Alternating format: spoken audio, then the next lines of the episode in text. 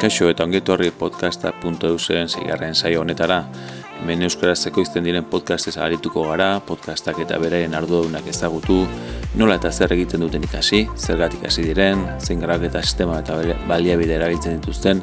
baina baita podcasten mundua zorokorrean izan ere euskarazko podcastak urtan taba baino gehiago dira podcasten ozeano zabalean. Ni egoiz zuen, hau zuen podcasten txokoa duzue. Euskaraz mintzu diren podcasten txokoa. Prest? Guazen!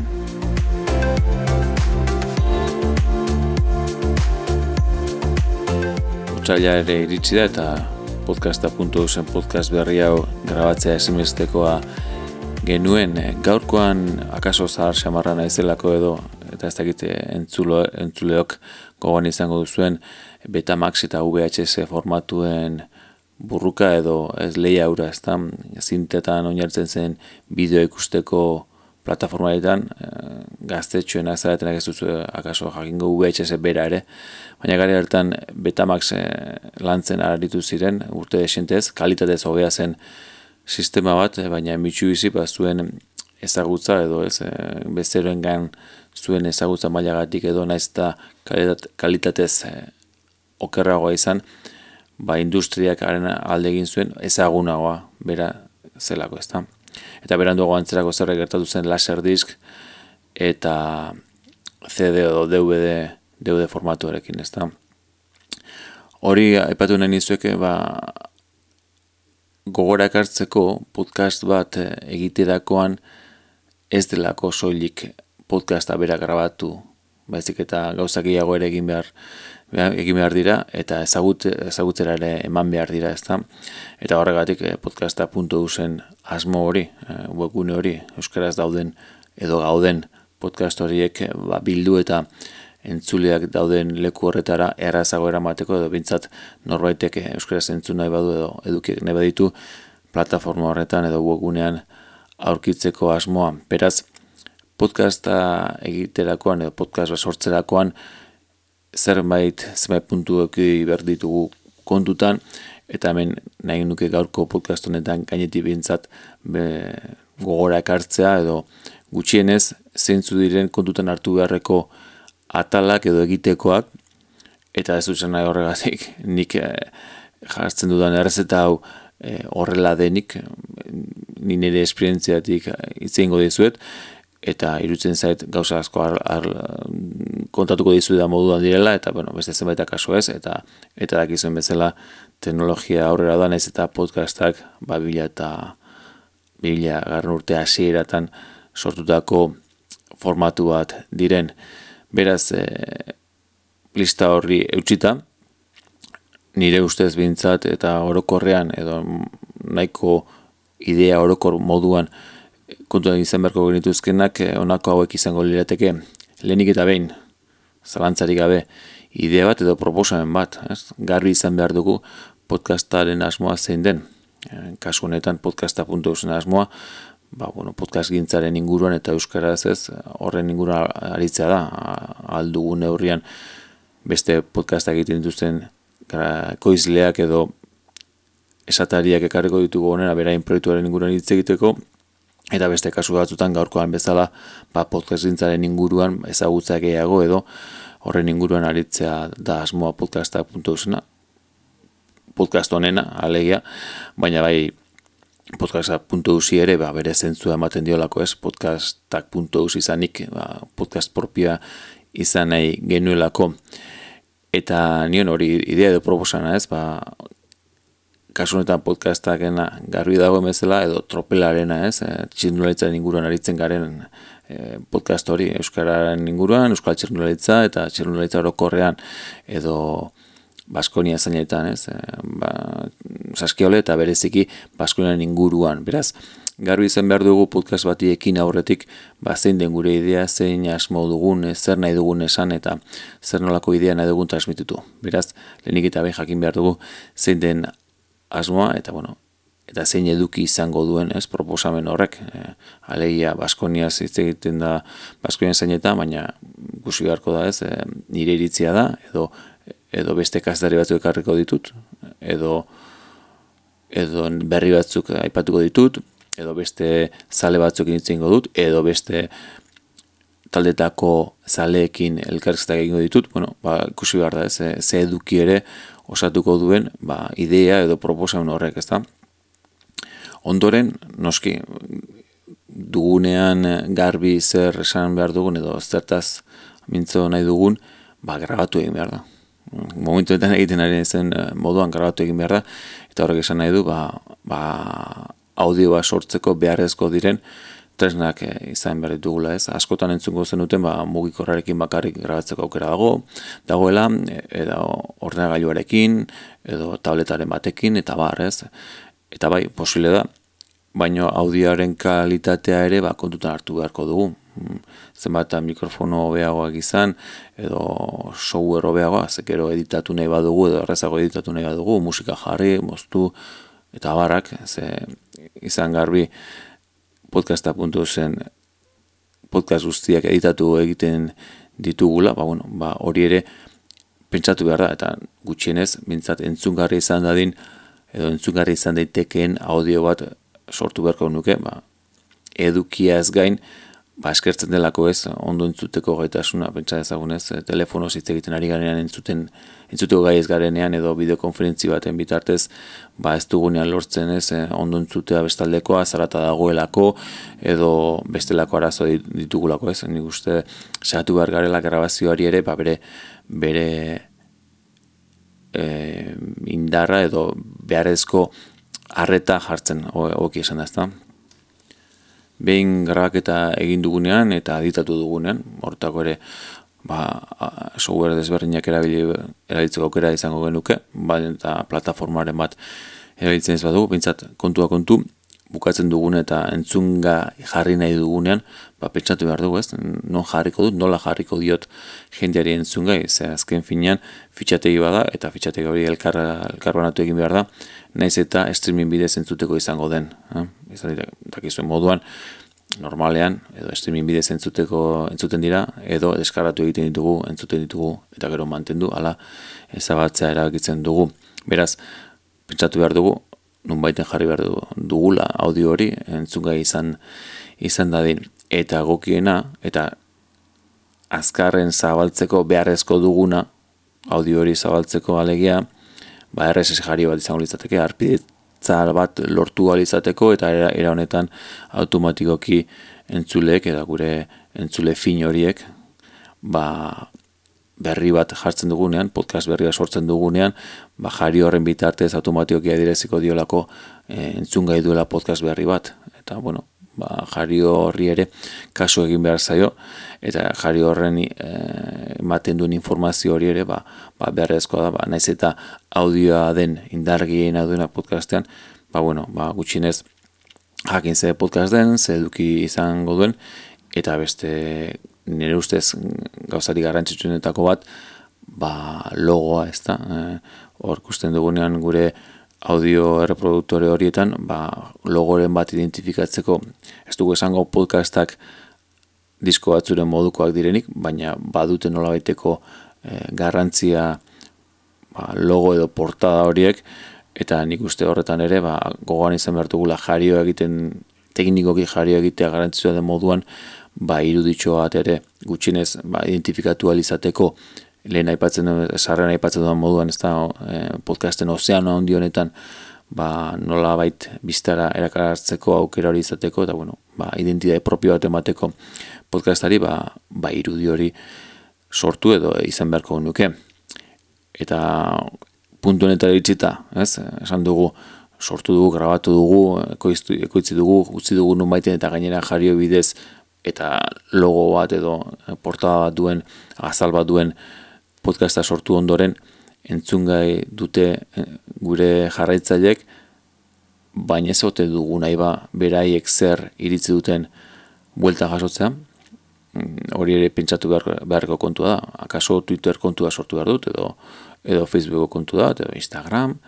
edo iruzkinak jasotzeko zerbait beharko genuke, adidez webgune propio bat, edo plataformetan iruzkinak jasotzeko aukera horri indargiago eman berko genioke, onioke,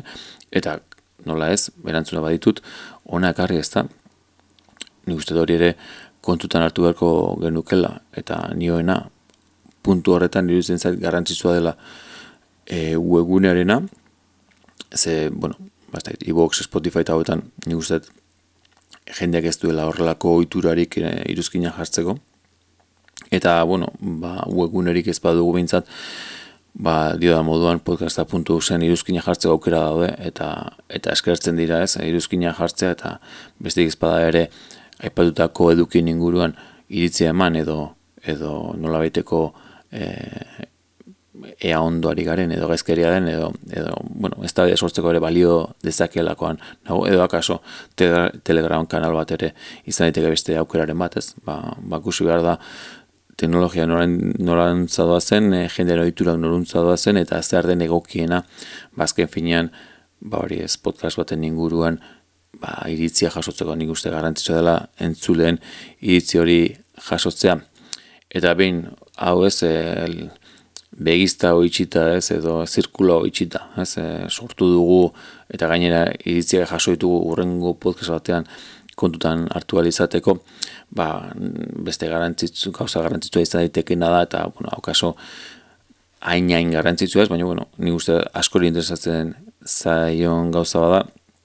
ba, jakitea zenbat entzule ditugun, ezta? Eta hori normalean, ba, arpidetza biditez jakin dezakegu, eta, bueno, ba, daude herramienta desberdinak, ba, esaten digutenak zenbat e, deskarra izan dituen podcast horrek, edo zenbat entzunaldi izan dituen, eta zenbat izan diren errepikatuak, eta zenbat berriak, eta bar. Beraz, e, hori ere, ba, boro aldera, nire ustez kontun hartu beharreko puntua izango litzate. Beraz, e, laur biltzen eta eta gaur gehiagi luzatu gabe e, podcasten ingura edo podcast ba, podcast bat sortzerakoan kontu hartu beharreko puntuen inguruan e, nire ustez, bintzat eta laur bilduz alde batetik jakin beharko genuke ze idea zein den gure proposamena zein eduki emango diogun zer nola osatuko dugun ez? E, zein nola emango diogun forma audio, audio horri elkarrezta bidez edo musika bidez edo zer, zer dugun. Grabazioa berak ere bagarrantzia izan behar du. Ez da soilik grabatu eta listu, baizik eta nik uste kalitate minimo bat eman beharko geniokela ba, ba gustora entzule gustora entzuteko eta gu ere gustora geratzeko egin dugun grabazio horretaz, ze azkenean dakizuen moduan, aritzen bazarete bintzat podcasta grabatzea antzemango duzue, ba ez dela hain simplea podcastua grabatzea, ba bueno, eskatzen du esfortzu bat, ez da? Behin audiori lortutakoan non jarri, jarioa, jendea arpidatu eta eta automatiko jaso dezan audio hori, iruditxoat sortzeare nio bezala behin egin behar da, baino maten dio identitatea podcast horri, erantzuna, entzulen erantzun hori nola jasoko dugun, sare sozialak, iruzkinak, hm? eta azkenik, ba, nola baiteko ze audientzia dugun, edo ikusteko ez, e, zein den gure podcastanaren e, erantzun baina, ba, neur gailuren bat edo beste badugu eskura. Ze hor ere, aurrera gogurrengo podcastan aipatuko dizuete, bai, bai neurzeko kontu inguruan, baita gainontzeko puntu inguruan asma baita, o asma baitut behintzat baditudan ideak edo ezagutzen arabera, ba, zuen gana e, horiek eleraztea, ba, datuen inguruan ez, ba, ez gauza desberdin asko daude eta eta garri dagoena da eta dudana orokorre mintzat ba ez dagoela neurgailu sistema garbirik eta bueno ba bazkenean deskarga kontu egin bezala ba ba ez dira hain zehatzak eta askotan ez da ere sortu izan dira maten diren datuak ez direlako ba guztiz fidagarria baina bueno hori beste baterako utziko dugu eztabaida hori pentsatzen du gustora hartuko duzten nuketela laur, laur pentsu hau, eta beraz animatzen bat zarete podcast bat sortzera, eta nola ez, gure aldetik nahiko genuke euskarazko podcasta izatea, ba, aipatutako puntu horiek kontutan hartu. Nola baiteko, edo nolako galderaren bat edo zalantzarik izango bazen dute honen inguruan, badakizuen moduan guana jodezak ez edo podcast honen e, blogean bertan iruzkina jarri, eta eta nola ez gustora erantzungo dizuegu.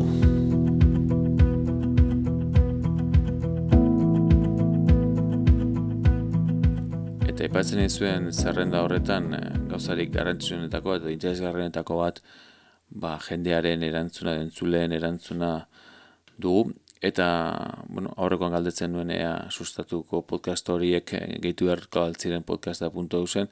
eta ez dugu erantzunik jaso, baina hori bai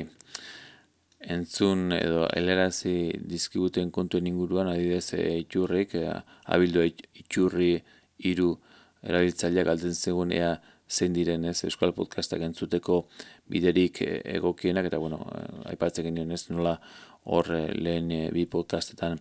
horren inguru aritzen nintzen eta aipatzen dituen podcasta entzuteko aplikazioak egokiak direla, beraz, pentsatzen dugu erantzun horrekin, Twitterren emandako erantzun horrekin nahiko izango dela itxurrik, ba, mendik aurrera podcastak gera era errazago batean entzun alizateko, goratu nahi ez entzulehoi, ba, webunean bertan entzuteaz gain, edo e-box baldin bada gehien erabiltzen duzuena, aukera daudela beste aplikazio batzuk e, erabiltzeko, eta bueno, horiek hori duzue, epatu moduan, lehen e, bi podcastan aipatzen nituen eta analizia egiten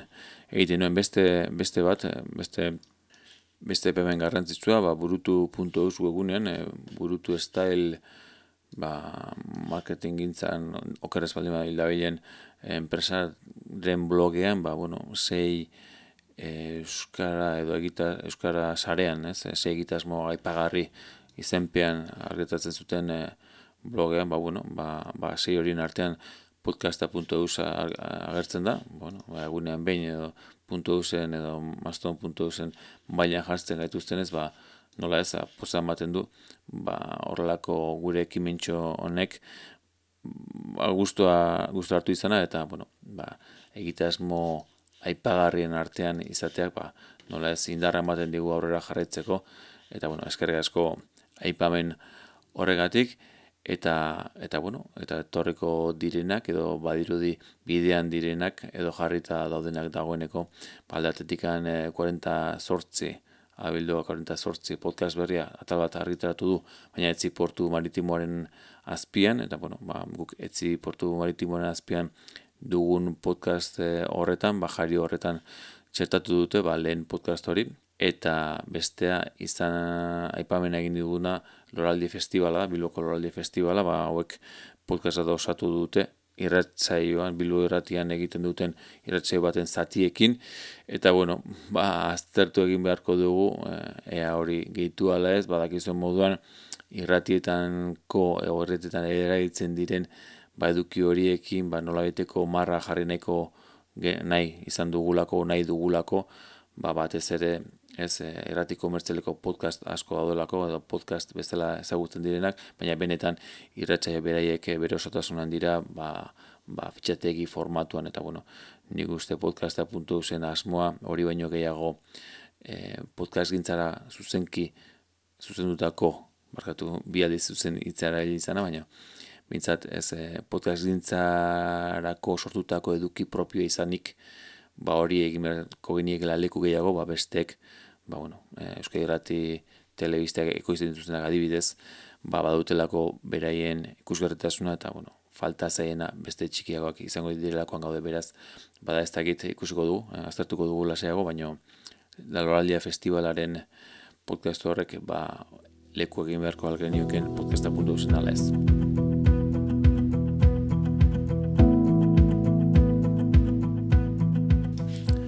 Onaino horren beste sortzaileko podcast hau, gogoratu podcast hau eta euskarazeko izten diren beste asko, podcasta.eusen aurkituko dituzuela eta bertan zuen iruzkinak eta ipamenak jartzeko aukera duzuela. Podcasta.eus bila eta amazazpitik martxan dugun proiektua da eta ezagaztu tropela elkarteak elagundu eta bultzatua dela. Gurekin harremanetan jarri nahi izatekotan, ba, bueno, epatu bezala eh, podcasta dagoen webunean iruzkinak jartzeaz gain, podcastak abildua podcasta, podcasta.eus eh, elbidea e-maila bidal dezakezue edo eta sare sozetan aurkituko gaituzue abildua podcastak eh, kontuarekin Twitterren eta Facebooken ere horri aldea dugulako podcastak eus elbidearekin eskerrik asko zuen harretagatik eta zuen demora podcasta entzuten eh, pasa izanagatik eta gogoan izan entzun eta zabaldu